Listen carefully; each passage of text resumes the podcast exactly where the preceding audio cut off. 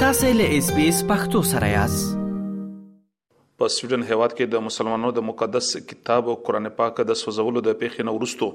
د ګرد اسلامي نړۍ په شان په پاکستان کې هم د سیاسي او د مذهبي ګوندونو ترڅنګ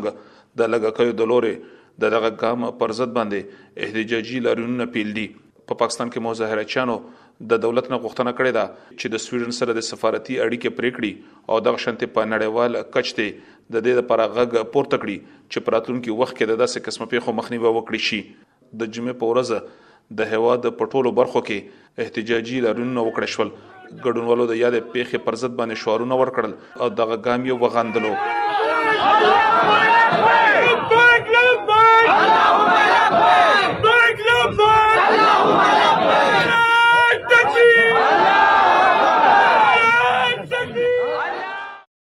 په خیبر باړه سیمه کې یو سیاسي او ټولنیز تنظیم د خیبرین لخوا هم یو احتجاجي لاریون وکړ شو چې پکې د تنظیم یو شمېر غړو ګډون وکړو د یونین مشر سکتر زاهد الله فریدي د اس بي اس رادیو سره د خبرو پر مهال باندې وویل چې هیڅ ته هم په نړۍ کې د دې خبرې اجازه نشته چې د شخصي ازادۍ پر اساس باندې د بل مذهب ته سپکاوی وکړي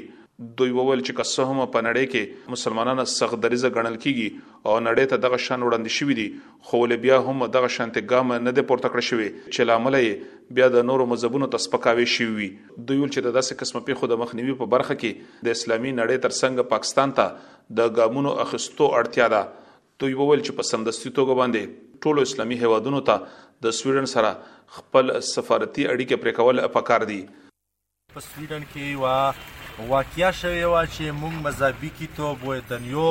یې ټولو نه غوره کتاب چې هغه له قرآن مجید وی هغه وخت په ذریعانو زیل شوی کتاب دی هغه به حرمتي شوی و هغه سوی و نو په دا تسلسل کې دا غو ملکونو سوی و چې په یورپ کې سویډن هغه ملک دی چې په دنیا کې ټولو نه خوشحال څلور ملکونه وي نو پکې سویډن هم دی و هغه جمهوري ملک ته و جمهوریت تعریف و هغه ټول مطلب باندې اسم صحافیون او ټول خلک پوهیږي خو هغه باوجود کې په هغه کې مذهبي رواداري و نورو مذهبونو احترام نشته تر اوسه پورې وایي یو یو شی نوټ کیږي او کلیم کیږي چې مسلمان تروریستی انتها پسندي نو ایا پوکیستون او بیا نوره دنیو په اوس په پوکیستون کې عیسائی شته هندو شته سیک شته خو تر اوسه پرې مسلمون دی غو مذهبي مقامات دی غو مذهبي کتابونه دا مونږ نه دي سوي خو په یورپ کې ټولو نه خوشول ملک چې په هغه کې مونږ د دوه عربو نه زیاتو مسلمانانو چې هغه مذهبي کتاب دی هغه سیزي آیا دا کلیم کیږي چې دا مدارس و مساجد دا ټریریست دي دا دهشتګردي کوي آیا زه دا په دلیل په دلیل باندې دا خبره ثابت کوم چې اوباما د مدارسو نه راغلی و که یونیورسټۍ نه راغلی و بوش د مدارسو نه راغلی و که یونیورسټۍ نه راغلی و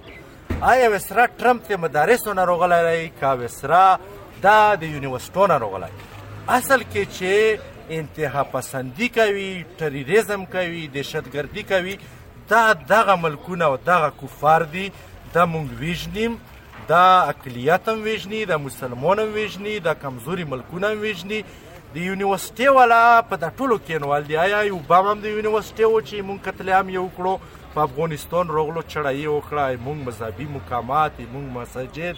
مونږ مدارس دا ټول یې نست و نابود کړل و مونږ په دا کې مونږ خو ګوره نه غیر جمهوری اقدامونه وشت کړی نه غیر اسلامي هغه کړی بیا هغه کتاب چې هغه په ټول ورلډ کې په ریسرچونو کې تر اوسه پرې چا چیلنج نه کړو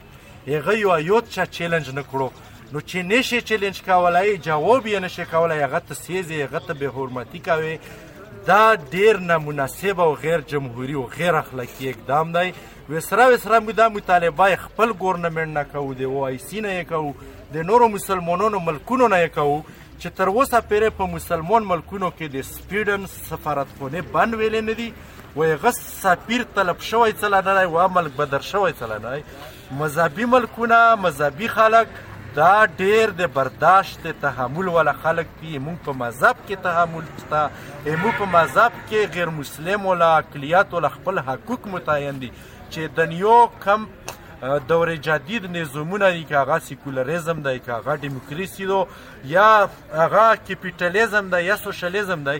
هغه حقوق اقلیاتو لا یا انسانونو لا دغو نظامونو ور نکړل چې مونږ اسلام وای مو قرآن وای مو مذهب ساڑھے چودہ سو سال مخکې ور کړی آیا چې دا دا ناره وهي چې مسلمان ټریست ټریزم دا لویل شي چې دوو عربو مسلمانو جذبات و احساسات ولته ټیس رسوي غول نقصان رسوي لهدا مونږ مطالبه کوو چې د په پاکستان کې کوم سویډن سفارت خونوي دا ری فوري بند کړی شي و هغه چې کم سفیر د غیر متبدل شي د مذهبي ګوند جمعیت علماء اسلام د قبایلي سیمو د مالي چارو مشر مولانا شمس الدین د اس بي اس رادیو سره د خبرو پر مهال باندې وویل چې پرمختللي هوادونه د شخصي ازادۍ پر اساس باندې د اسلام مذهب سپکاوی کوي او هیڅ کوم مذهب یا ټولنه د داسې قسمه ګام اخیستو اجازه نه ورکوي دوی ول چې پراتلونکو کې د داسې قسمه پېښو د مخنیوي لپاره دې په اروپايي هېوادونو کې د شخصي ازادۍ په قانون کې تغیر یا بدلون په کار دی. د شخصي ازادۍ په تناظر کې کومه ګستاخي او توهین شوی دی، د هغې موږ بھرپور مذمت کوو او امید لرو چې ان شاءالله تعالی د سویډن ګورنمنټ پۀ د هغې شخصي ازادۍ چې د یو مذهبي شاعرو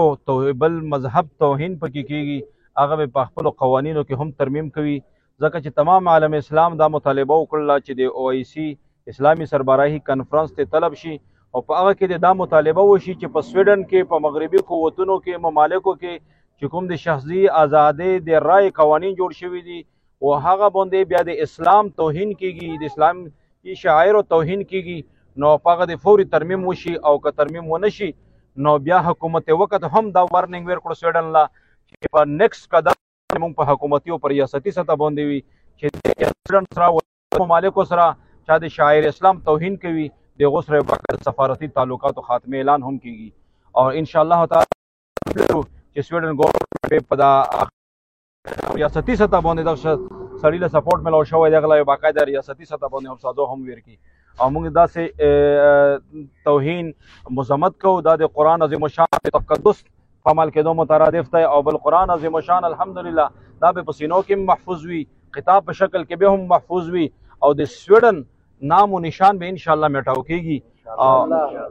او جمعیت علما اسلام په دغه ملک د اسلامي او د شرعي نظام د پوره کوشش کوي د الله په خوره د الله د نظام د پوره او د الله د نظام کوم ځای کې هم توهین کیږي جمعیت علما